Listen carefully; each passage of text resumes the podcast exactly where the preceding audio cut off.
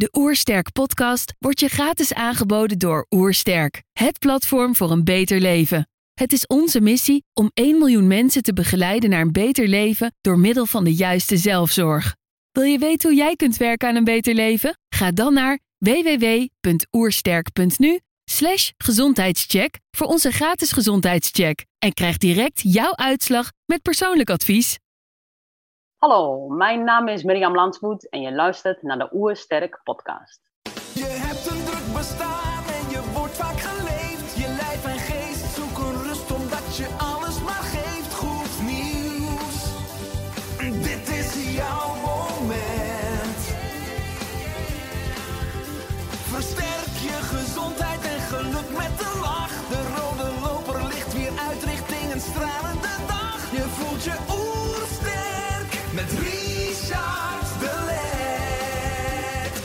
We zijn hier in Heemskerk voor een podcast met Mirjam Lanswood. Mirjam besloot na haar diploma aan de Academie voor Lichamelijke Opvoeding een backpackersreis te maken. In India ontmoette ze Pieter, met wie ze besloot om als moderne nomades in de wildernis te gaan leven. Ook is ze auteur van twee boeken. Ik ben benieuwd naar haar tips voor een beter leven.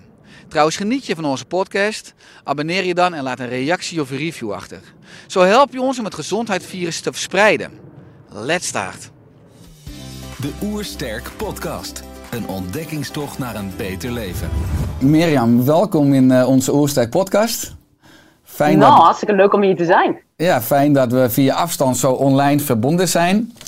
Als Ja. ik kijk op jouw website en in je boeken, dan lees ik een vrij leven leiden betekent onzekerheid omarmen en het onbekende ingaan. Hè, waarom klampen veel mensen zich juist aan het bekende vast? Dat geeft veiligheid, hè? dat is een eh, zekerheid. En vanuit zekerheid komt veiligheid. Maar eh, ik denk dat dat een illusie is. Want er is eigenlijk helemaal geen echte veiligheid, want we gaan allemaal dood. en dus eh, eigenlijk denk ik dat er heel weinig echte veiligheid is. Maar we zoeken constant die illusie, denk ik. Ja, ja dat is interessant. Hè? Een stukje schijnveiligheid. Want als ik kijk naar jouw weg en jouw levenspad. Je groeide op in de achterhoek en volgde een studie aan de Academie voor Lichamelijke Opvoeding. Je besloot na het behalen van je diploma in 2004 een backpackersreis te maken. Eerst naar Zimbabwe en daarna door India. Daar ontmoette je Pieter. Hè? Peter. En toen? Ja. En toen, ehm, ja, dat is dus alweer 15 jaar geleden dat ik eh, Pieter ontmoette. En hij was een professor aan de universiteit en hij vertelde mij dat hij alles had opgegeven en alles had verkocht en met een klein rugzakje naar India was gegaan om daar te gaan leven. En dat vond ik wel zo'n fantastisch verhaal. Ik had nog nooit iemand ontmoet die dus zo'n grote stap had genomen. En eh, dus ik was onmiddellijk hem, naar hem aangetrokken. En toen zijn we samen de Himalaya doorgelopen. Eh, twee maanden hebben we door eh, over acht mountain ranges gelopen. En eh, ja, dat is eigenlijk nooit gestopt. En we hebben altijd gereisd. En ik, hoefde alleen, ik moest alleen één jaartje werken in Nieuw-Zeeland voor mijn verblijfsvergunning. En alle rest zijn we dus onderweg, onderweg geweest. Als, eh, we leven als nomaden eigenlijk. Ja, dat is interessant. Hè? Want Je ging natuurlijk naar India toe. In principe natuurlijk met een retourticket. Maar dat retourticket verscheurde je. En eh, als je het hebt over dat perspectief, hoe reageerden bijvoorbeeld je ouders? Ja, die vonden het helemaal niet leuk. Die hadden verwacht dat ik weer terug zou komen. En eh, niet alleen kwam ik niet terug, maar ook was ik nou met een vriend die zo ongeveer hun leeftijd was. Ik denk dat dat de ergste schok was voor hen. maar ze zijn nu een beetje aan gewend na 15 jaar. Ja, maar jij was toen 22 en Pieter was 52. Ja, heel oud. Als ik er nu aan terugdenk, denk ik, jeetje, ik was ook wel erg jong. En hij erg oud. maar eh, zo voelde dat niet. Toen ik 22 was, dacht ik dat ik, eh, voelde ik me meer volwassen, ja. Het is natuurlijk ook wel interessant als je het zou hebben over leeftijd. Ik heb zelf weinig met leeftijd. Je kan het natuurlijk ook hebben over chronologische leeftijd en biologische leeftijd. Of zelf over spirituele leeftijd. Maar in die zin kent liefde natuurlijk geen grenzen en geen leeftijd. Nee, inderdaad. En ik denk, ik hoop altijd dat, een- dat wij ook een voorbeeld kunnen zijn voor andere mensen. Dat je mag toch verliefd worden op wie je wil. Niet op, op wie je zou moeten zijn, verliefd zijn. En je mag toch trouwen met wie je wil. Ja, en toch veel mensen die worden verliefd op iemand en dan is de leeftijdsverschil te groot en doen het toch niet. En hebben ze dan later spijt van. ja, dus ik hoop dat ik een voorbeeld daarin ben. Ja, inderdaad. Eens een, een afwijking van de maatschappelijke norm. Hè. Als je het hebt over eh, Ja. Pieter, hè, eh, je besloot met je man Pieter al het materiële op te geven en de wildernis in te trekken met een tent, pijlen en een boog. Je wilde leren om te overleven en ervaren wat Ja. er met de body-mind gebeurt als je in de schoonheid van de wilde natuur leeft. En wat zijn de belangrijkste lessen die je hebt geleerd? Uh, als je weggaat van de maatschappij, dan is het in het begin heel erg saai, omdat je geest helemaal moet verlangzamen. Maar als dat eenmaal is gebeurd, dat duurt twee weken of zo, twee of drie weken, uh, dan kom je in het ritme van de natuur. En dan is er heel veel um, helderheid, clarity of the mind. Um, heel helderheid van geest, zou je in het Nederlands zeggen misschien. Um, en daarom ontstaat er veel ruimte. Dus dan worden dingen heel duidelijk. En dingen die belangrijk zijn, kun je dan op focussen. En die onbelangrijk zijn, kun je dan uh, wegleggen. En voorheen, als ik terugdenk, dan was ik vaak bezig met onbelangrijke dingen. Dacht ik daar heel lang over na. Dus uh, ja, uh, om het uh, te selecteren wat belangrijk is. Ik denk dat dat komt door uh, in de rust te leven. Ja, het is mooi als je het hebt over belangrijke dingen of onbelangrijke dingen. In je eerste ja. boek, Mijn leven in de wildernis, lees ik... Ergens vind ik het allemaal zo betekenisloos. Je hele leven werken voor geld en status, jezelf op de sociale ladder omhoog knokken, nog meer spullen die je eigenlijk niet nodig hebt. Dat allemaal. En wat voor reacties heb je op je boek gekregen? En zijn er mensen die ook de sprong naar de natuur hebben gemaakt? Ik heb nooit een reactie gekregen van, uh, nou, dat vind ik wel heel uh, beledigend of iets. Nee, altijd mensen die zeggen, ja, je hebt gelijk en zo voel ik het ook precies. En uh, ja, dat zijn ook de mensen die contact zoeken misschien. Maar uh, ja, ik denk dat er meer mensen zijn die ook dat voelen en ook eigenlijk weg willen. En dan vragen, hoe kan ik die stap zetten? Hoe kan ik uh, meer in de natuur leven? Misschien niet zo extreem, maar... Uh, nou, mijn antwoord is dan, dan moet je echt je eigen weg in vinden. uh, ik kan dat natuurlijk niet vol gaan schrijven. Iedereen is anders. Ja, ja want je reisde ook door Nieuw-Zeeland. Uh, en je kwam daar als vegetariër aan. En je doodde daar voor het eerst een dier. Uh, hoe kijk je nu naar ja, het eten van vlees? Um, ja, ik was toen. Uh, ik had de keuze gemaakt om dus te leren jagen met pijl en boog. Omdat we wilden overleven in de wildernis. En um, daarom ben ik, heb ik dus het ben ik dus niet meer vegetariër geweest. Maar nu, uh, nu zijn we dus terug in Europa, in Bulgarije. En, maar ik kan hier niet jagen, want ik heb geen jachtvergunning hier. En um, dus nu ben ik gewoon vegetarisch. Dus ik, ik vind het prima als mensen vlees eten, maar ik zelf zou niet graag vlees uit de supermarkt willen kopen. Ik zal dan aanraden om uh, wildvlees te eten of um, ja, bij de organic of zo, weet je wel. -hmm. Ja, want hoe, kijk jij naar de bio-industrie dan in supermarktvlees? Uh, ik denk niet dat het gezonde dieren zijn. Afgezien het feit dat die dieren verschrikkelijk leven hebben. Ik denk niet dat het gezond zijn, omdat sommige kippen of varkens nooit het daglicht hebben gezien. Dus als je dan dat vlees eet, dat kan niet echt gezond zijn. Denk ik. Maar misschien is het beter dan niks. Dat weet ik niet. Uh, maar voor mijzelf ben ik best blij met uh, andere dingen te eten. Zoals veel eieren en uh, kruiden die we zo in de eetbare planten. En soms dat vis of zo. Weet je wel. Ja, want jullie zijn ook, wat ik ook teruglees in de boeken, heel spiritueel, heel filosofisch. Hoe kijk je vanuit dat perspectief naar bijvoorbeeld het doden van een dier of het nemen van zijn of haar leven met betrekking tot ja, misschien wel de kringloop van het leven? Ja, um, ik zag een keer een t-shirt in de winkel dat zei um, meat, eating meat is murder. En ik denk, ja, dat is precies waar. Um, je moet dus een dier doden om het op te eten. En dat is de realiteit van het leven. Dat wij ook op een dag doodgaan. En dan worden we eten voor de wormen. en uh, ik denk dat het heel goed is om te realiseren dat alles deel uitmaakt van de kringloop, inderdaad. Dat alles leeft en doodgaat. En dat wij leven van dode dingen. Zoals dode groenten. uh, en uh, als je vlees eet, dode dieren. En um, in plaats van daar um, heel emotioneel over te gaan doen, is het beter, denk ik, om heel realistisch te zijn. En uh, in te zien dat onze voorouders zo hebben overleefd. Als onze voorouders niet hadden gejaagd, en vooral in het koude noorden, dan hadden wij waarschijnlijk niet overleefd. Dus dat is uh, de deel van de realiteit. Ja. ja, ik ben het helemaal met je eens. Wat je natuurlijk wel ziet als je kijkt naar de oermens, dat die in tribes leefden, dat het eigenlijk veel kleinere aantallen waren. Hè. Afgelopen eeuw is de wereldbevolking drastisch toegenomen. Hè. Nu is het ruim 7 miljard mensen. En hoe zou het zijn als we allemaal steeds natuurlijker gaan leven? Of als we allemaal de wildernis in zouden trekken? Zou daar voldoende plek zijn? Dat zal een ramp zijn. En dat zal ook zeker nooit gebeuren. Want uh, zoals ik had een interview in uh, Hongkong.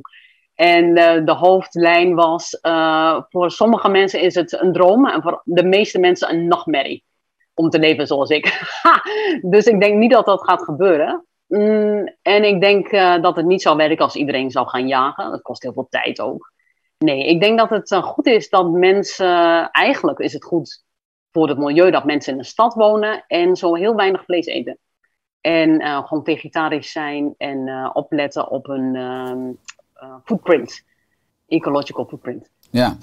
Um, ja, maar voor de mensen die dat echt niet aankunnen, dan zou ik aanraden om meer in de natuur en eens af en toe te kijken wat het is om vlees te eten en wat daarbij komt kijken. Ja, als je het hebt over de moderne mens, hè, dan is de moderne mens eigenlijk de wijsheid verloren om in de natuur te leven, te overleven. Uh, we hebben geen basale vaardigheden meer. Uh, als de supermarkten sluiten, heeft denk iedereen een probleem. Uh, jij gaf ook aan dat je nu de wereldwijde pandemie prima kan overleven. Hoe kijk jij naar de moderne mens en hoe kunnen we de band met de natuur misschien stapje voor stapje herstellen? Uh, jij zei, uh, we zijn de wijsheid verloren. Dat denk ik niet eigenlijk. Ik denk dat al, on, al die dingen nog in, in ons bloed zitten en in onze genen. En als jij of iedereen gaat jagen, dan zal je verbaasd zijn hoe snel je het kan. Want al die uh, instincten zitten nog in ons. Je kijkt naar mij bijvoorbeeld, om helemaal opgegroeid als vegetariër. En ik pak mijn pijl en boog en binnen zes maanden kan ik jagen. Ik heb van niemand geleerd, alleen maar zelf. Uh, dus mijn oren worden beter, mijn neus wordt beter, ik uh, krijg er een goed geheugen voor. Um, dat, ligt, dat is niet omdat ik speciaal ben. Ik denk dat alle mensen dat eigenlijk wel kunnen. En dat we daarin zo zijn getraind over de laatste duizenden jaren, dat we het toch weer snel kunnen leren. Maar desalniettemin, als de supermarkt uh, neervalt, ik denk dat dan inderdaad heel veel mensen in de paniek schieten. En misschien doodgaan. Uh, voordat, we dat, uh, na, uh, voordat mensen leren jagen, inderdaad. Ja, want ik las ook in je boek terug dat het bij jou ook een aantal maanden duurde voordat je het effectief ook kon jagen, onder andere met pijl en boog. Ja. nou, inmiddels heb je natuurlijk ook een geweer of, of twee waarin je, waarmee je kunt jagen. Uh, Dat duurde volgens mij zo'n maand of zes. Nu is het ook misschien zo dat de moderne mens niet meer zes maanden geduld heeft. Het moet allemaal lukken in een week of in twee weken. En anders gooien we de pijl en boog in de hoek en nou, gaan we weer wat anders doen. Is dat ook iets wat we kunnen leren? Gewoon geduld en de discipline en volhouden? Uh, misschien niet leren, maar uh, als het noodzakelijk is, dan moet je wel. Dus wij gingen de bush in en uh, als ik had kunnen opgeven, dan had ik het meteen gedaan. Ik had er ook helemaal geen zin meer in, in het begin, omdat ik iedere keer faalde.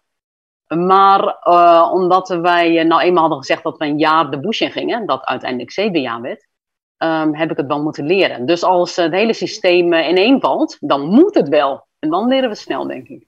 Ja, dan is een noodzaak. Ja. Ja, ja je reist op, uh, nou, over de hele wereld. Hè? Uh, Australië, Nieuw-Zeeland, Europa. Uh, je bent op enorm veel verschillende plekken geweest op de wereld. Welke plek of plekken hebben jou het meest geïnspireerd? Um, nou ja, in de laatste zeg maar 20 jaar heb ik eigenlijk 13 jaar in Nieuw-Zeeland doorgebracht. Dus um, voor Nieuw-Zeeland ken ik nog op mijn duimpje. Um, dus Nieuw-Zeeland heeft mij het meest geïnspireerd. Ja, de bergen zijn ongelooflijk hele hoge bergen met sneeuw op de toppen en uh, rivieren, wilde rivieren.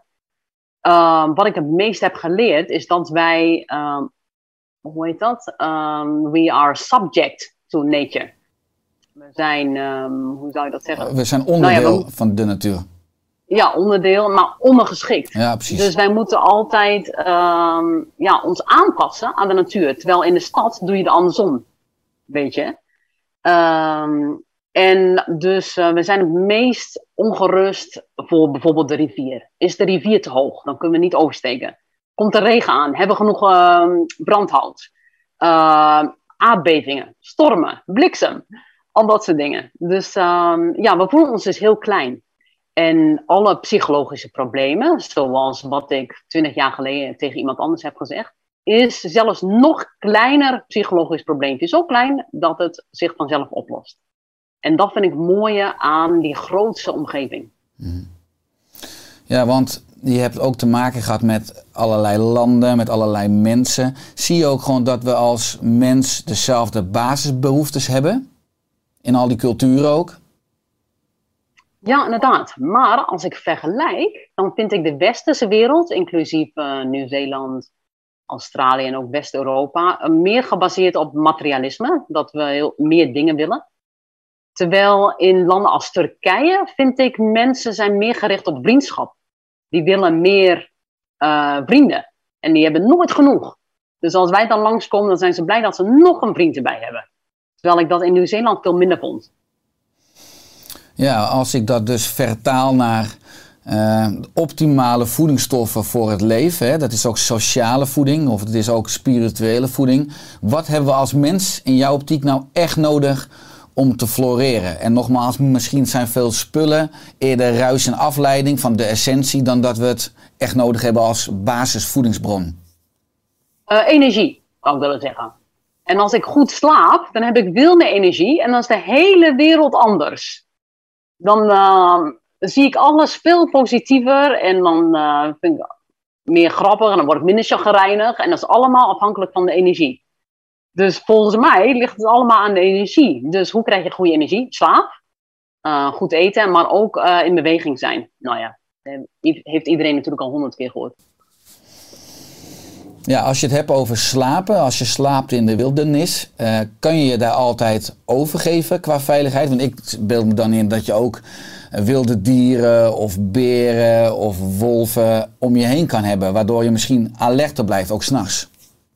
Ja, inderdaad. Um, Nieuw-Zeeland is helemaal niks. Hè? Alleen, uh, er zijn geen wilde dieren. Uh, niks om bang voor te zijn. Geen slangen, krokodillen, niks daarvan. Um, maar wel storm en bliksem en onweer en wind. En heel vaak komt er, is er heel veel wind en dan vallen de takken naar beneden. En niet zomaar takjes, maar hele grote boomstammen van takken. En als die dus op, op de tent vallen, dan, ja, dan zijn we er geweest. dus dan worden we heel bang. Maar die storm die duurt maar één of twee uur en dan, dan, dan ben ik weer gerust. Maar toen wij in Bulgarije rondtrokken, toen waren er dus beren. En ik ben nog nooit zo bang geweest. En ik sliep helemaal niet goed ik ben helemaal niet gewend aan uh, wilde dieren. Dus uh, ja, ik moet eerlijk toegeven dat ik toen uh, slecht heb geslapen, ja. Ja, maar ik kan me voorstellen, in 2004 trok je op backpackersreis naar Zimbabwe. Nou, als je in Afrika bijvoorbeeld in de wildernis gaat leven, heb je ook natuurlijk allerlei dieren die je tegen kunt komen. Ja, dat deed ik ook dus niet. Ik ging een jaartje lesgeven als vrijwilliger op een school. Ja, dat was heel veilig en een beetje saai achteraf gezien.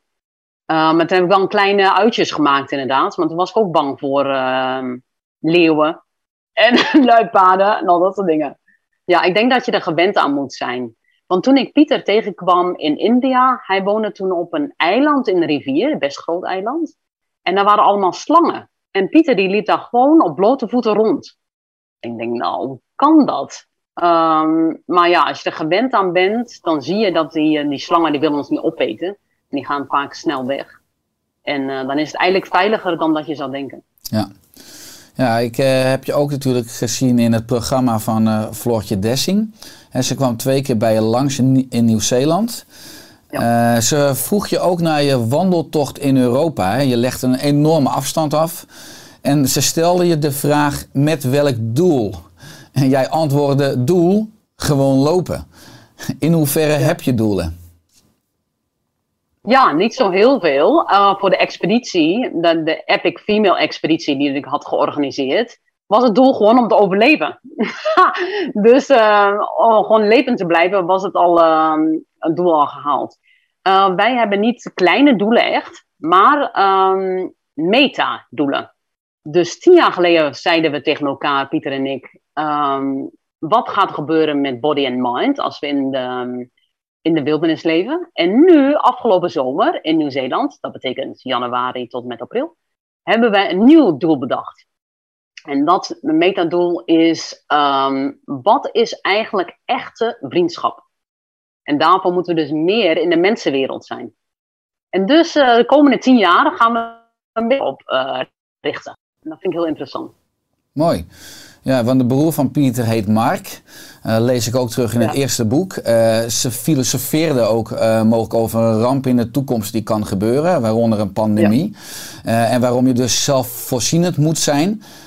Wat heb jij geleerd van afgelopen jaren en de corona-epidemie? Um, wat ik heb geleerd? Nou, in Nieuw-Zeeland was geen corona. En um, omdat we niks zagen, alleen maar het nieuws. Mensen bekeken het nieuws van Nederland bijvoorbeeld. Alleen maar ziekenhuizen vol met uh, doodgaande mensen. En omdat ze er niet in zaten, de Nieuw-Zeelanders, dachten ze dat als je naar Europa gaat, ga je onmiddellijk dood. En um, dus de, er is veel meer angst in Nieuw-Zeeland dan bijvoorbeeld uh, in Nederland of uh, waar wij nu zitten in Bulgarije. Um, dus hoe minder je ziet, hoe banger je wordt. En één heb ik één goed voorbeeldje van. Er was een keer bij um, een vriendin, die is, kan heel slecht zien. Het was bijna blind. En toen kwam er een wesp in de keuken. En zij werd heel erg bang. En toen dacht ik, ah, dat is omdat zij die wesp niet goed kan zien. En toen dacht ik, dat is misschien voor alle, um, alle situaties in het leven. Dat als je niet goed kan kijken en geen dus helderheid hebt, dan ben je al sneller bang. Ja, hoe kijk jij naar dan het verschijnsel angst, als je het hebt over bang zijn en angst, ook na al die jaren dat je één bent met de natuur? Ja, je zal denken van ben ik niet bang om uh, van een berg af te vallen of zo. Maar als ik eenmaal op de berg sta, op die helling, dan denk ik ja, ik, val hier niet naar beneden. Maar als ik erover denk, of bijvoorbeeld uh, bang zijn voor de beren in Bulgarije, als ik erover nadenk, dan ben ik ineens bang. Heel raar. Dus als je in het moment zelf bent, dan is er voor mij geen angst. Dus waar komt dan de angst vandaan? Dat is meer door vaak gemaakt door de, onze eigen gedachten, denk ik. Ja, ja eens. Uh, ik lees ook in het boek uh, dat je af en toe ook mystieke ervaringen hebt in de natuur. Hè? Uh, ik las onder andere over bomen die jullie lieten weten dat zij jullie liever niet in de buurt hebben. Of toen hadden. Hè? hoe, hoe, hoe is dat om die mystieke ervaringen dan af en toe te hebben? ja, het is wel heel bijzonder. maar dat laat ook zien dat er veel meer is dan wij aanvankelijk denken. Zoals één hele bijzondere ervaring was uh, in een winter, daar hadden we al maanden niemand gezien. En toen kwam er ineens een jager langs. En ineens keek ik om me heen en zag ik dat alles heel erg grijs was en vervelend. En, uh. en um, Pieter had precies dezelfde ervaring. En toen dachten we, toen die man weer weg was, toen dachten we, hey, misschien kijken we eventjes, één momentje maar, zeg maar door de ogen van de andere persoon. En ik denk dat dat heel vaak voorkomt, maar daar hebben we geen erg in. En we denken altijd dat het onszelf is, hè? dat ik eventjes depressief was.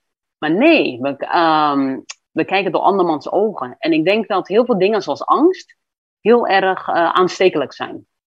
Als je bijvoorbeeld in een bus zit en mensen worden allemaal bang, dan word jij zelf ook bang een beetje hetzelfde instinct als het lammetje met de moederschaap. Als de moederschaap bang is, dan wordt het lammetje ook bang. Want ze kunnen niet praten, dus die angst die schiet over naar het uh, kindje. En ik denk dat dat met ons ook het geval is. Ja, welke rol heeft filosofie in jouw leven? Oh, heel groot. Want ook omdat wij um, niet zoveel boeken mee kunnen nemen natuurlijk op onze reizen. En dan nemen we één boek mee, zoals uh, Krishnamurti of uh, Friedrich Nietzsche. Of um, ja, andere moeilijke boeken die, uh, die je iedere keer maar opnieuw kunt lezen. En maar dan hebben we ook een beetje gesprekstof, Pieter en ik. Ja, dus echt de, de grote filosofen uit de menselijke geschiedenis. Ja, en om die dan um, goed te bestuderen. Het is niet makkelijk om uh, dat eventjes te lezen, weet je wel. Ja, en wat zijn de belangrijkste lessen dan van Krishnamurti of van Nietzsche? Van Nietzsche, um, hij zegt de socialisme is een beetje hetzelfde als een bos, dat alle, ehm, alle bomen zijn eh, met elkaar opgegroeid. Hè? En dan eh, worden ze allemaal, blijven ze allemaal dunnetjes. Niemand heeft ruimte om te groeien. Dus niemand gaat dood en niemand groeit. En dat zegt hij over het socialisme. En dan denk oh, nou, zo had ik het nog nooit bekeken. En ehm, dus dat helpt mij om met andere ogen te kijken naar onze samenleving. Ja, mooi. Eh, wat je net schetst al eerder in de podcast, is dat je je goed voorbereid had op je trektocht en met verschillende trainingen, maar je had je niet voorbereid op verveling. Hè, wat toen eigenlijk eh, ontstond omdat je geest tot rust moest komen. Is dat nu af en toe nog iets wat je ervaart, verveling? Of eh, heb je inmiddels je plek gevonden in de wildernis en in de natuur? Nee, het gebeurt iedere keer weer. Dus uh, wij gingen een um, paar weken bij een vriend van ons in de transitie van een ene hutje naar terug naar de wildernis afgelopen zomer. Dus dat was met kerst in Nieuw-Zeeland. En uh, dan gaan we de wildernis in en dan weer de eerste twee of drie weken weer die dodelijke verveling. Bijna ondraagbaar. Maar gelukkig weet ik dat ik daar doorheen moet. En dan, uh, dan is het veel beter. Als ik dat niet had geweten, was ik misschien gillend weggerend. Is dat ook een stukje dat je, als je zeg maar, in de moderne maatschappij gaat, dat al je zintuigen natuurlijk de hele dag gebombardeerd worden met een hoeveelheid prikkels. En dat je brein misschien echt weer moet desensibiliseren en aan die, aan die rust en aan die natuurlijke, uh, dat natuurlijke habitat? Ja, zeker. En hoe meer ik met technologie in de weer ben, hoe langer het duurt. Dus uh, ik denk dat de telefoon echt je brein een beetje uh, versnelt, heel erg. En dan duurt het nog langer om in de rust te komen. Ja, als je kijkt dat mensen nu gemiddeld zo'n 3, 3,5 uur per dag op hun smartphone zitten, vooral ook natuurlijk veel met social media, dat is nu het gemiddelde. Is dat natuurlijk niet per se optimaal in, in dit perspectief? Nee, inderdaad. Dan wordt het veel moeilijker. En ik zie dat uh, ook met kleine kinderen, dat alles um, saai is vergeleken een uh, videospelletje op de computer. Ja, dat is een probleem. Ja, dus, dus ook een uitdaging voor, uh, ik ben ook jong ouder, maar om vooral ook met kinderen erop uit te gaan en de natuur in te trekken. En een andere ervaring van tijd te krijgen. Ja, en op avontuur uit te gaan en vooral voor jongetjes om uh, stoere dingetjes te doen. En ja, een riviertje op of het bos in of zo, ja. In takken hangen. Meisjes ja. ook natuurlijk. Ja, ja hangen, bomen klimmen. Ja. ja. Uh, het, je bent natuurlijk één met de natuur. Uh, nou, ik zeg wel eens, de natuur heeft alle antwoorden of heeft heel veel oplossingen.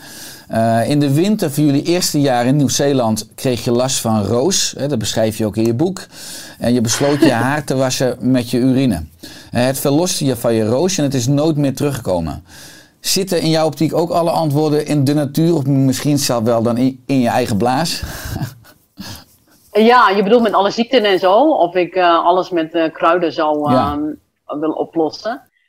ik denk het wel. mijn motto is van eet je medicijn. Dus wij um, eten allemaal wilde kruiden en wilde planten. En dat is vast heel erg gezond. En ja, ik ben eigenlijk nooit ziek. Ik denk dat mijn immuunsysteem wel goed is. Um, maar als ik een groot probleem heb of een been breek, dan ben ik de eerste die naar het ziekenhuis rent. ik denk dat uh, de westerse uh, uh, medicines toch ook zijn eigen plek hebben. Ja. ja, geneeskunde. Ook zijn eigen plek hebben, ja. Ja, dus de, in mijn optiek is ook de, de westerse geneeskunde heel goed in de acute geneeskunde. Maar eigenlijk ja. de aanpak van chronische aandoeningen, die vaak samenhangen met een ongezonde leefstijl. En ook een stukje preventie. Daarin zouden we veel meer uh, zeg maar, naar de natuur, terug naar de evolutie mogen kijken. Hoe we als mens, als Homo sapiens zijn ontstaan. En hoe we eigenlijk ons als mens dus wat natuurlijker kunnen gedragen in verbinding met die natuur. Die misschien niet alle, maar wel heel veel antwoorden in zich heeft. Ja, precies. Uh, maar ik hamer er altijd op om uh, slaap. Dat zoveel kan opgelost worden met uh, gewoon 9, 10 uur per nacht slapen. Ja, is slaap in jouw optiek belangrijker bijvoorbeeld dan beweging of voeding, hè, andere pijlers? Um, nou ja, ik ben heel erg fysiek sowieso. Dus je kan mij toch niet stil krijgen. dus ik hoef mij daar niet toe te zetten. Maar sommige mensen die iets meer lui zijn aangelegd, ja, die moeten dan een wandelingetje maken of zo. Ik denk dat dat hel- ook eh, heel erg helpt. Eh, maar dat is niet zo voor mij. Nee, want wat, hoe word jij zeg maar, intrinsiek aangedreven om te bewegen? Want eh, je zegt, ik ben heel erg fysiek, ik ben actief. En het zijn misschien ook mensen die nu luisteren en die denken, ja, ik zit heerlijk in, in die luxe stoel. En waarom zou ik opstaan? En eh, nou, hoe kunnen mensen vanuit dat perspectief eh, de eerste stap zetten, letterlijk? Ehm, ik denk dat het goed is om klein te beginnen. Met als je iets van lichaamsbeweging wil doen, maar je vindt er helemaal niks aan. Begin dan gewoon met een 10 minuten wandelen. Even de straat op en neer. En ik denk dat het sowieso al een klein beetje discipline helpt. Ook voor je zelfvertrouwen. Dat je denkt, nou, ik heb dat goed volgehouden. Alle maand ben ik elke dag 10 minuutjes gaan lopen. Ik denk dat dat heel erg helpt. En ik heb ook zoiets kleins. Ik wil dan elke ochtend eh, mijn oefeningen doen. Opdrukken en al dat soort dingen. Maar heb ik echt geen zin in als het meer dan vijf minuten kost. Dus mijn oefeningetjes duren maar één minuut. En dan kan ik echt niet tegen mezelf zeggen dat ik geen tijd heb. dus uh, ik doe één minuut uh, opdrukken en sit-ups. Ja, dus met andere woorden, je oerbrein gaat niet saboteren als het maar een minuut is. Maar als je zegt we gaan een half ja. uur of een uur sporten, dan zegt je oerbrein. Nee, dan wordt weer. het toch niet. Nee. Ja, dan lukt het niet. Interessant, dus kleine stapjes geven het grootste resultaat. Ik denk het, ja. ja. Je boek hè, werd een internationale bestseller. En je reisde de hele wereld over om lezingen te geven. Hoe was dat? Ja. Oh, het was heel bijzonder om van de wildernis naar bijvoorbeeld Dubai te gaan of Hongkong. En dan in zo'n megastad te zitten. En uh, het was maar een weekje, hè, dus dat is niet uh, heel erg lang. En dan genieten, probeer ik heel erg van te genieten. Omdat het zo'n uh, bijzonder iets is. En ik denk iedere keer, nou, dit is de laatste keer. Dus moet ik extra genieten. En dan is er weer een andere aanvraag. Maar ik vind het fantastisch. Wat ik het ergste zou vinden is zeg maar de mediocrity, de, de middelmaat. Um, voor mij zou het niks zijn om bijvoorbeeld in een, gewoon een kantoorbaan, huisjeboompje beetje. Daar moet ik niet aan denken. En dat is, als ik over angst heb, dan zou ik dat dan zou ik het ergste vinden. Ja, want wat vind je daar erg aan? ja, dan voel ik mij denk ik um, een beetje zo'n schaap in de kudde, denk ik. Ik weet niet. Terwijl voor, uh, ik heb um, familieleden die dat zo'n leven leiden en die vinden dat hartstikke prima. En die zijn daar hartstikke gelukkig bij. En uh, dus daar heb ik helemaal geen oordeel over, behalve voor mezelf. En als, ik denk dat sommige mensen dat ook zo voelen. En ik denk als ze dat voelen, dan moeten ze echt iets doen.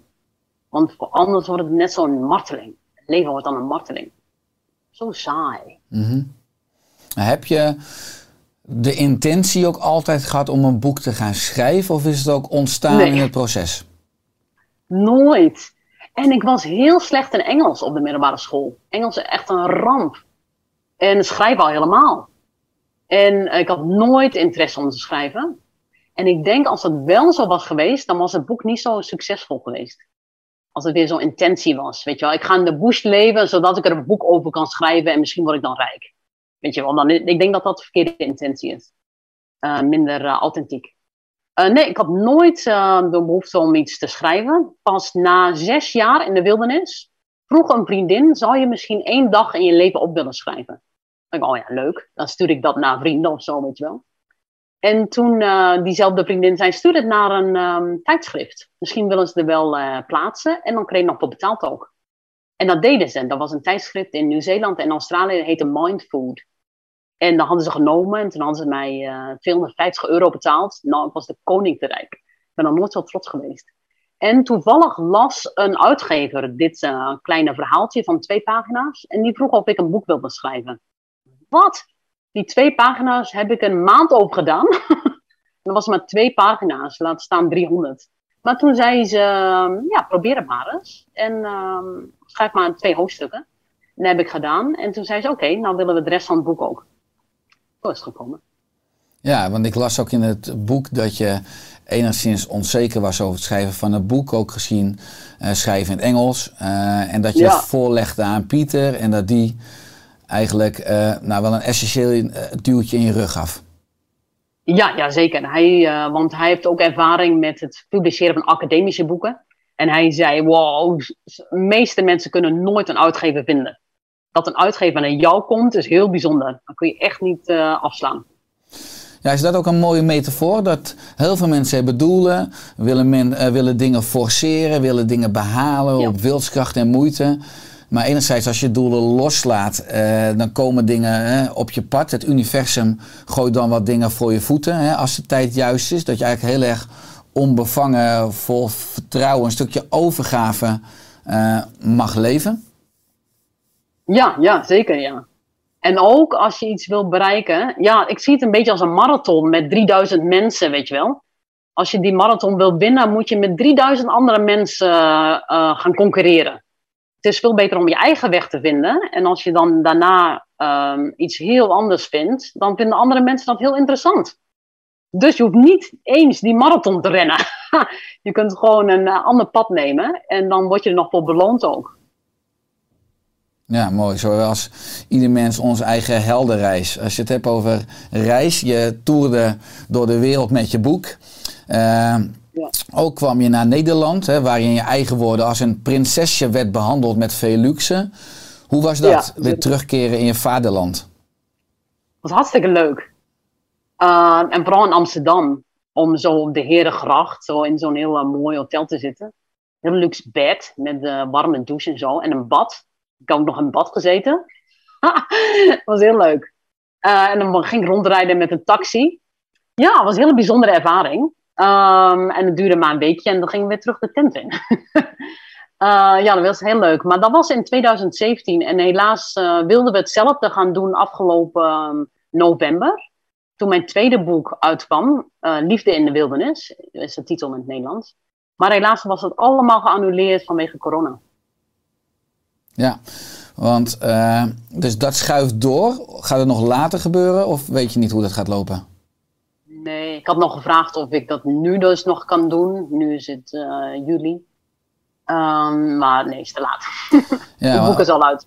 Ja, als we, het, als we het hebben over de, de kringloop hè, van leven en dood. Je man Pieter kwam bijna in aanraking met de dood. Hè, wat je ook schrijft in Liefde in de Wildernis. Hè, door acuut nierfalen.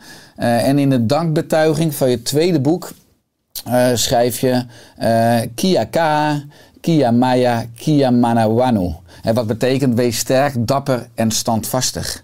En hoe blijf jij zo dapper? Dapper? Ja. Um, ik voel me niet heel erg dapper. maar vergeleken anderen. Ik denk dat alles vergeleken anderen is, nietwaar? Uh, je leeft gewoon je leven en dan soms kom je tegen angsten en die overwin je dan of niet. En ik voor mezelf ook uh, wij leven nu met een beer in de buurt. En iedere keer uh, ben ik bang voor die beer. Dan voel ik me niet zo dapper. Maar ik ga wel naar het dorp, want anders komen we niet in het dorp. Die beer die leeft tussen ons en het dorp in. Dus dat is twee kilometer lopen. ja, we moeten toch inkopen doen. Dus ik denk noodzaak. Gewoon noodzaak. Dus ik zet mezelf in de moeilijke situatie. En dat is denk ik de keuze. Dat is de dappere keuze. Dat ik mezelf in die, ehm, uh, gevaarlijke situatie breng. Ja, als je het hebt over al die intense dingen die je hebt meegemaakt, al die spannende momenten die je hebt overleefd. Wat is in jouw optiek het gekste dat je ooit hebt meegemaakt? Wat op jou in ieder geval de meeste indruk heeft gemaakt? Het gekste? Mm -hmm. um, ja, we komen in veel gekke situaties terecht, omdat we dus weinig plannen. En dan komen we allemaal uh, in uh, vreemde situaties, zoals die, die cult in, in Oostenrijk. Um, dan hadden we dus echt niet gepland of gewild. Of, um, ja, maar als we dan al in zitten, dan denken we, nou, dat is interessant. Laten we dat nog maar eventjes goed onderzoeken. Dus dan bekijk ik de situatie van een afstandje, in plaats van er middenin te zitten, zeg maar. En dan is het iets interessanter. Ja, want als je kijkt naar leven in de wildernis en de moderne mens. Uh, je schrijft in je boek dat de moderne mens heeft niet alleen maar te veel spullen, maar eet ook te veel. En jouw zintuigen staan juist aan als je nog niet hebt gegeten. Uh, te veel eten doet je lichaam en geest geen goed schrijfje. Hoe vaak eet jij? Oh, we eten nu sinds twee jaar of zo rond tien uur. Niet dat we een horloge hebben, maar zo een beetje midden van de, van de ochtend. En dan weer om eh, vier uur, drie of vier uur. En dat bevalt heel erg goed. Dus wat ze nu intermittent fasting noemen. En uh, dat bevalt ons goed omdat we dan beter slapen. En uh, de spijsvertering is beter. En dan voelen we ons heel goed bij. Want vroeger had ik altijd honger rond 11 uur. Had ik al mijn uh, snacks al opgegeten bij de eerste pauze in de middelbare school. Um, en ik denk dat het voor mij, maar voor iedereen is anders natuurlijk. Voor mij is het heel goed om 's ochtends lekker veel te eten. Heel avondeten, s ochtends. En dat is dan rond 10 uur? Ja, rond, tussen 10 en 12. Het duurt heel lang om heel veel te eten. Nou ja, het is belangrijk. Ik zeg altijd tegen mensen ook van eet minder vaak, maar als je eet, eet dan heel veel. Dus ik heb een beetje hetzelfde. Ja, ja. Ja dat uh, zal me ook heel goed bevallen inderdaad. Om lekker veel te eten en dan helemaal vol te zitten en dan klaar. Ja. In plaats van de hele dag door een klein beetje. Want soms krijg ik meer honger van een klein beetje te eten. Dan wordt het een soort aperitiefje en dan krijg je nog meer honger. Appetizer. Ja. Ja, maar heb je ook wel eens dagen gehad dat je nou, de hele dag een beetje aan het eten, aan het snacken bent. Uh, en ook ervaart wat dat doet op je lichaam en je geest? Ja, dat gebeurde dus in Dubai op mijn uh, Writers Festival. Uh, al het eten was gratis en heerlijk eten. Dus ik at veel te veel. Het effect, dat is ongelooflijk. Uh, ik zat helemaal vol. Ik was helemaal ja, hoe zeg je dat? Lamlendig. Ik voelde me echt ongelukkig vanwege het eten. Maar ik deed het zelf. um, dat is heel gek, ja. En ik dacht toen daarna, ga ik maar snel terug naar de bush. En dan ga ik eventjes een week niet eten. Dat gebeurde natuurlijk niet. Maar um, ja, ik voel me veel beter als, uh, als ik ietsjes minder eet. Maar kan ons brein dus op een effectieve manier omgaan met zoveel overvloed als het ware in Dubai. Omdat we natuurlijk wel vanuit de evolutie voor een deel ook geprogrammeerd zijn op schaarste. Dus als je kon overeten, ja. doe het nou hè, van, vanuit de wildernis. Je weet niet hoe het ja. morgen of over een week of over een maand is. Maar dat eigenlijk die evolutionaire instinct en impulsen zich nu tegen ons keren in een onnatuurlijke omgeving? Ja, want uh, in de bush, als ik bijvoorbeeld een hert schiet, dan moeten we dat allemaal opeten. Dus het is inderdaad een instinct om dan zoveel mogelijk te eten. En onze maag die uh, pelt dan helemaal uit. Dat is heel, heel natuurlijk.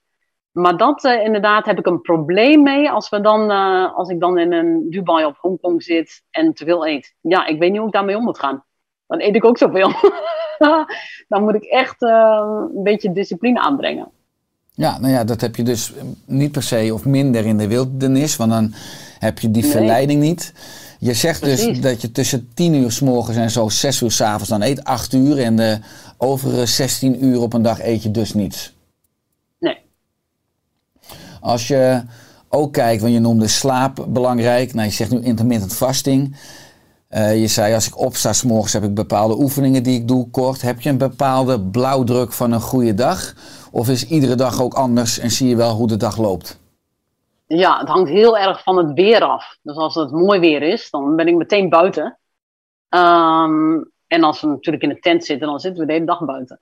Als het regent, ja, dan moeten we allemaal um, voorbereidingen. Uh, halt sprokkelen, dat moet je dus doen als het mooi weer is. als het regent is het te laat. Maar sommige dagen, zoals afgelopen zomer, regende het, of sneeuw zelfs. Uh, en dan zitten we dus gewoon in de tent of onder het zeiltje, heel saai. Maar omdat we de um, weersverwachting niet weten, dan denken we, oh, misschien morgen is het beter. Uh, maar de blauwdruk, ja, laten we zeggen, heel erg gemiddeld. Um, sta ik op, uh, maak een kopje koffie. en uh, ja, alle kleine taken, dan verzin ik dingetjes. Um, en als ik helemaal geen lichaamsbeweging krijg, dan ga ik bijvoorbeeld hardlopen. Of een lange wandeling maken. Of als we in de bergen zitten, jagen natuurlijk. Uh, en dan s'avonds van naar bed gaan, dan doe ik mijn uh, opdrukken en sit-ups. Dat is het. En gewoon veel slapen. Hoeveel uur, ja, hoe, hoeveel uur slaap je ongeveer? Nou, in de zomer niet zoveel. Uh, maar negen uur of zo. maar in de winter zeker wel tien of elf uur. Ik ga heel vroeg naar bed.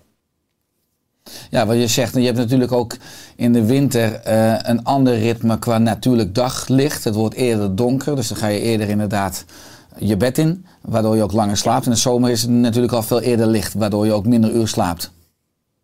Ja, precies. Ja. Dus we gaan gewoon naar bed als het donker is. Ja. Ehm, maar nu heb ik, nu in de zomer doe ik zo'n ding op wat je krijgt in het vliegtuig. Eh, op, je, op mijn ogen. En dan wordt het dus donker. Als je het hebt over zo'n dag van 24 uur. eh, je zegt ik slaap in de zomer zo'n eh, 9 uur en in de winter zo'n 10, 11 uur.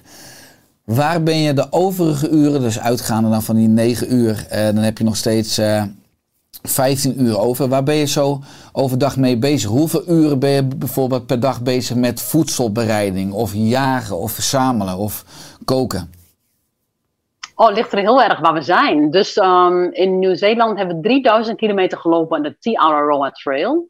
En in Europa hebben we 2000 kilometer gelopen door West-Europa en Turkije en Bulgarije. En op zo'n dag, eh, dan st- staan we op zodra het licht is. En dan begin ik al eh, mijn slaapzak in de hoesje te burmen. En dan eh, sta ik op en ehm, eh, doe ik het vuur aan. En ga ik ontbijt koken. En dan Pieter wordt altijd ietsjes langzamer wakker. Dus die is blij als ik ehm, de thee klaar heb of koffie.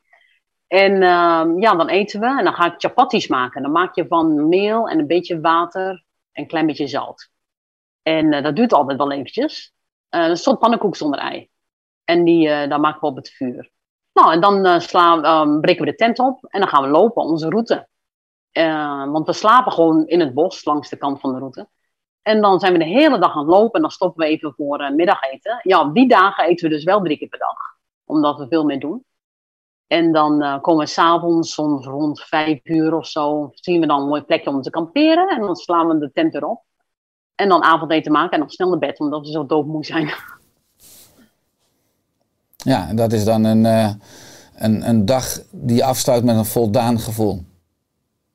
Ja, doodmoe. En dan doe ik nog dingen sneller, zodat ik sneller kan slapen. Het is ongelooflijk hoe eh, intensief dat is, fysiek.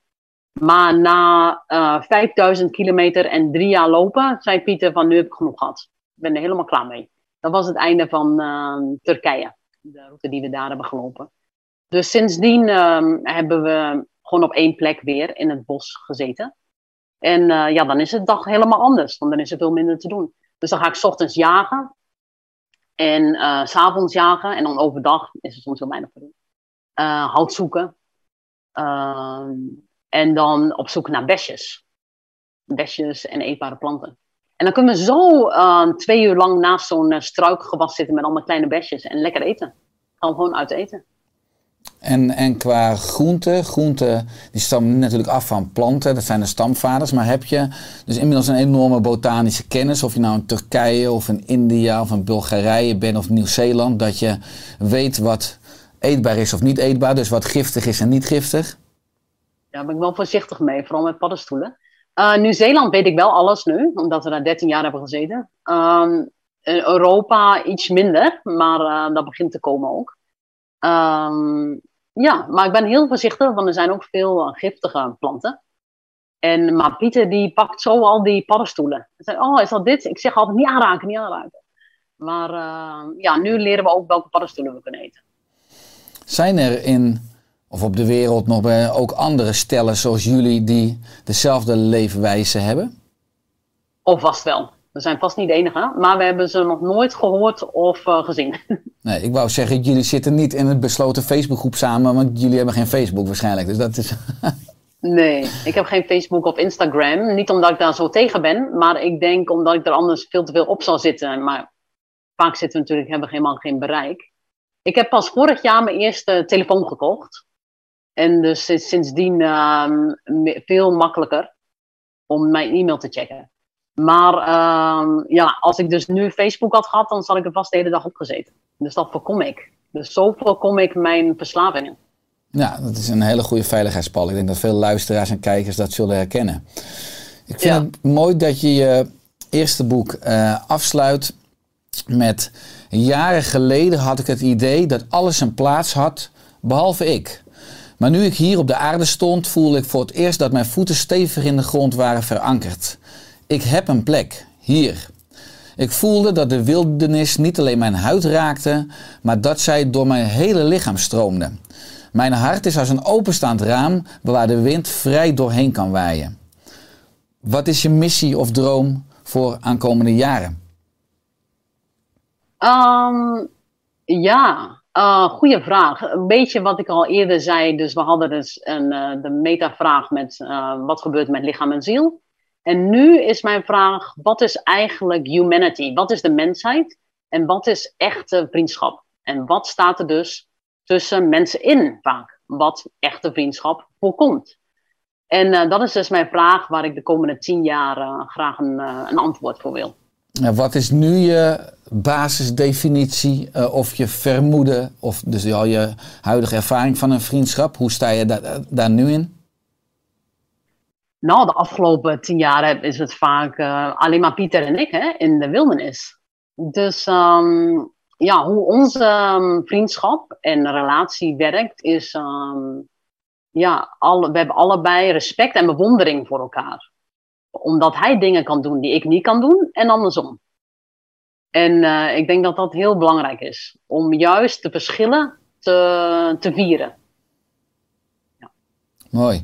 En uh, is dan het doel, zeg maar, komende tien jaar, dus jullie gezamenlijke vriendschap en jullie groeien of ook nog vriendschap met dus andere sociale gemeenschappen of andere mensen op de wereld? Ja, andere mensen. Want ieder, je kunt van alle mensen iets leren. Met elke vriendschap is weer helemaal anders. Dus um, ja, we willen graag meer uh, contacten, meer uh, vrienden om ons heen, wat sowieso het geval is in Europa. Hè. Um, en om daarmee te beginnen hebben we ook meteen iets concreets aangepakt en we gaan een cursus filosofie geven. Een zevendaagse cursus in een heel mooi gebouw, 10 kilometer van waar we nu zitten. En, uh, en dan gaan we wat mensen ja, bij elkaar krijgen om dingen te discussiëren. Daar heb ik heel erg zin in, dat is eind september. Nou, ik zag het op je website staan. Dat is eind september 2021 in Bulgarije. Ja. Ja, ja ik ben heel benieuwd hoe dat gaat. Nou, ik zag er staan, de investering is slechts 500 euro per persoon buiten de reiskosten. Dus dat is uh, ja. heel toegankelijk. Ja, vind je ja? Ik hoop het. Geloof me, dat is heel erg, heel erg schappelijk geprijsd, zeker weten. Ik denk dat, oh. het, dat, dat het een grote aanrader is. Uh, ja. he, heb je dan ook met zo'n cursus, met zo'n groep hal een doel? Of is het ook juist weer van, ik zie wat er wat er ontstaat? Ja, gewoon bij elkaar zitten. En um, ja, Pieter, we bereiden ons allebei heel erg voor. Uh, en kijken wat eruit komt. Ja, het doel is om samen te zijn en over die interessante onderwerpen te kletsen. Ja, het is in het Engels, hè, las ik. Dus het is wel fijn dat je Engelse spreek- en luistervaardigheid hebt als je daaraan wil deelnemen. Ja, zeker. Ja. ja. Uh, is er aan het einde van de podcast nog iets dat je wilt toevoegen of aanvullen? Ja, ik denk dat als mensen ongelukkig zijn, dat um, we denken dan we moeten gelukkig worden. Ik moet uh, positief denken. Ik moet uh, gaan mediteren. Ik moet yoga ochtend doen. Ik denk dat ik ben veel rigoureuzer. Ik, uh, ik denk dan bij mezelf, ik ga mijn hele leven omgooien. Dat heb ik natuurlijk ook gedaan. en dat heeft het meest effect. dus om iets heel anders te doen. Want ik merk zelf dat als ik in een ander land ben of een hele andere levenswijze heb, dan word ik vanzelf een heel ander persoon. En die persoon vind ik leuker. Dus ik vind mezelf leuker in een ander leven. En ik denk dat dat heel um, veel andere mensen ook kan helpen. Ja, mooi. Maar het is natuurlijk ook een beetje de maatschappelijke route die wij associëren met succes of met geluk. Je gaat naar de basisschool, je gaat naar de middelbare school. Je gaat naar een hogeschool of een universiteit, je haalt je diploma, uh, je zoekt een baan of je gaat nog een halfjaartje, een jaartje reizen, wat jij hebt gedaan. Daar moet je dus mee oppassen, dat zie je maar aan jouw verhaal. Uh, ja. Nou, dan ga je 40 uur hè, of meer ga je je tijd, energie, je passie aan, nou, vaak aan een werkgever of aan een bedrijf geven. Uh, misschien weinig tijd voor persoonlijke ontwikkeling daarbuiten. En nou, dus hoe ontkom je aan die bijna maatschappelijke mal? Hè? Hoe kan je daarin uit die kudde je eigen weg gaan lopen? Nou, jij bent daar een goed voorbeeld van. Misschien voor veel mensen vrij extreem. Wat zou inderdaad een tussenstap zijn als mensen nu wel in die maatschappelijke mal, die maatschappelijke norm leven en inderdaad niet gelukkig zijn? Ik denk om eerst maar eens eruit te stappen. Misschien voor een jaartje of zo. om eens te weten wat je eigenlijk zelf denkt. Om eens je eigen gedachten te horen. Dus als je bijvoorbeeld uh, zo'n lange wandeltocht wil doen, wat in Europa ook heel erg goed mogelijk is. Er zijn tal van wandelpaden in Europa. Dat heet allemaal de E. E1, E2, E3, etc. En dan kun je gewoon je rugzak. En dan kun je gewoon je rugzak pakken en op pad gaan. En als je een jaartje weggaat, dan um, misschien kom je dan meer tot jezelf en weet je wat je eigenlijk graag wil. En misschien is dat wel een gezinnetje stichten en een mooi plekje vinden om te wonen en een leuke baan. Dat is helemaal prima. Maar dan is het in ieder geval je eigen keus geweest. Ja, nu zijn er ook heel veel mensen natuurlijk een soort vast onbewust dan, want die bewust in een soort financiële structuur, hè, waar mensen moeten werken vanuit het perspectief van ze hebben een hypotheek en ze hebben een duur huis. En uh, dus dan zeg je ook, als ik er dan gelijk vertaal, ja, uh, verkoop je huis eventueel, uh, kom los dan van die verplichtingen, van die lasten en ga juist die vrijheid ervaren met, met jezelf, met niets, in die leegte. Ja, als je dat aantrekt. Sommige mensen, zoals ik, trekken het heel erg aan om alles weg te geven en om helemaal niks te hebben. Uh, ik weet niet waarom dat is. Misschien een soort van spirituele oosten uh, denkwijze of zo. Weet je wel, dat de, de sadhu geeft alles weg. Hè? Dat trekt mij erg aan. Ja, en sommige mensen voelen zich heel vrij bij. En ja, dat zal wel, zal wel heel erg helpen. Maar als je dat niet aantrekt, dan moet je het vooral niet doen. Mm -hmm. En dan kan je je huis onder verhuren. In ieder geval, maar je zegt dat ja. als je dus langere tijd gaat wandelen, want die vind ik wel sterk, dan kom je dus jezelf, of misschien ook wel je ziel, hè, want je ziel schreeuwt niet, die fluistert, die kom je dan tegen. Ja, ja inderdaad. En dan kun je je eigen keuze, dan heb je de helderheid om je eigen keuzes te maken. En dan kun je achter je eigen keuzes staan. Maar heel veel mensen die uh, belanden in een situatie en denken, oh mijn god, hoe ben ik hier beland? dit is echt niet wat ik wil. Maar dan, te laat. En dan begint de depressie erin te sluipen, volgens mij. En uh, ja, dan, uh, het is belangrijk om je eigen keuze te maken, denk ik. Ja, mooi. Uh, als je kijkt naar de natuur, hè, waar jullie al jaren doorheen trekken, hoe staat het ervoor? Zie je dat het goed gaat met de natuur in Nieuw-Zeeland, in Turkije, in Bulgarije, in Europa? Of maak je je wereldwijd zorgen, ook als je kijkt naar de ontwikkeling, ook wat je zelf ervaart, zeg maar, afgelopen, nou, wat is het, uh, 15 jaar?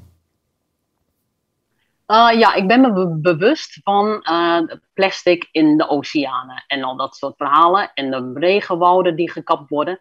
Maar wat ik zelf heb gezien door onze 3000 kilometer in Nieuw-Zeeland en 2000 kilometer in Europa en Turkije, dat er heel veel bossen terugkomen. Want heel veel mensen gaan naar de stad. En uh, al die akkerbouw wordt langzaam weer bos. En met de bossen komen vogels, wilde dieren, beren en wolven in het oosten. Um, en hetzelfde ook in Nieuw-Zeeland. Heel veel um, reforestation. Dat zagen wij namelijk door een kaart. Dus wij liepen met een kaart die 15 jaar oud was. En toen zei Pieter, nu komen we door een open veld. Dat is allemaal bos. Uh, want alles groeit heel snel in Nieuw-Zeeland. Dus in 15 jaar heb je alweer kleine boompjes. En uh, wat wij hebben gezien is heel veel reforestation. Dus de bossen die weer helemaal terugkomen. En ik vind dat een heel goed teken. En dat zeg ik vaak tegen mensen. Het is niet allemaal bar en boos. Het is ook eigenlijk hele goede ontwikkelingen die er allemaal gaande zijn. Absoluut. Er is hoop en de natuur regelt zichzelf. Als wij het als mensen niet, al, niet altijd in de weg zitten. Ja, inderdaad. Wij hoeven niet de natuur te redden, want het is de andersom. Wij zijn onderdeel, uh, wij zeg maar de baby aan de, aan de moeder, niet andersom. Eens, mooi. Waar kunnen mensen meer vinden meer over jouw boeken, over, uh, nou, over jou, hè, want je hebt ook een eigen website. Waar kunnen mensen dan heen? Uh, ja, allemaal op mijn website. Dat is miriamlaanswood.com. En dan uh, ja, kun je al, een klein minuutje en dan zie je de boeken en ook onze cursus filosofie.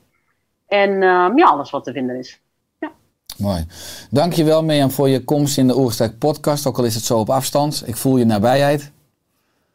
Ja, heel graag gedaan. Hartstikke leuk. En uh, nogmaals, ik gaf je in het vorige gesprek al complimenten over je schrijfstijl en je boeken. Want het leest echt enorm uh, prettig als een trein. Al je ervaringen. En uh, ook dank je wel dat je een inspirerend voorbeeld bent van iemand die echt haar hart volgt. Die haar eigen pad gaat. En daar ook meer eh, in staat is om veel andere mensen te inspireren. Om zich meer te verbinden met, met zichzelf, met de ander en met de natuur. Hè? Want we zijn uiteindelijk allemaal verbonden. Ja, inderdaad. Ja, dankjewel voor het compliment. Dankjewel. Nogmaals alle goeds en ook groeten aan Pieter. Ja, dankjewel. Zal ik doen. Dankjewel.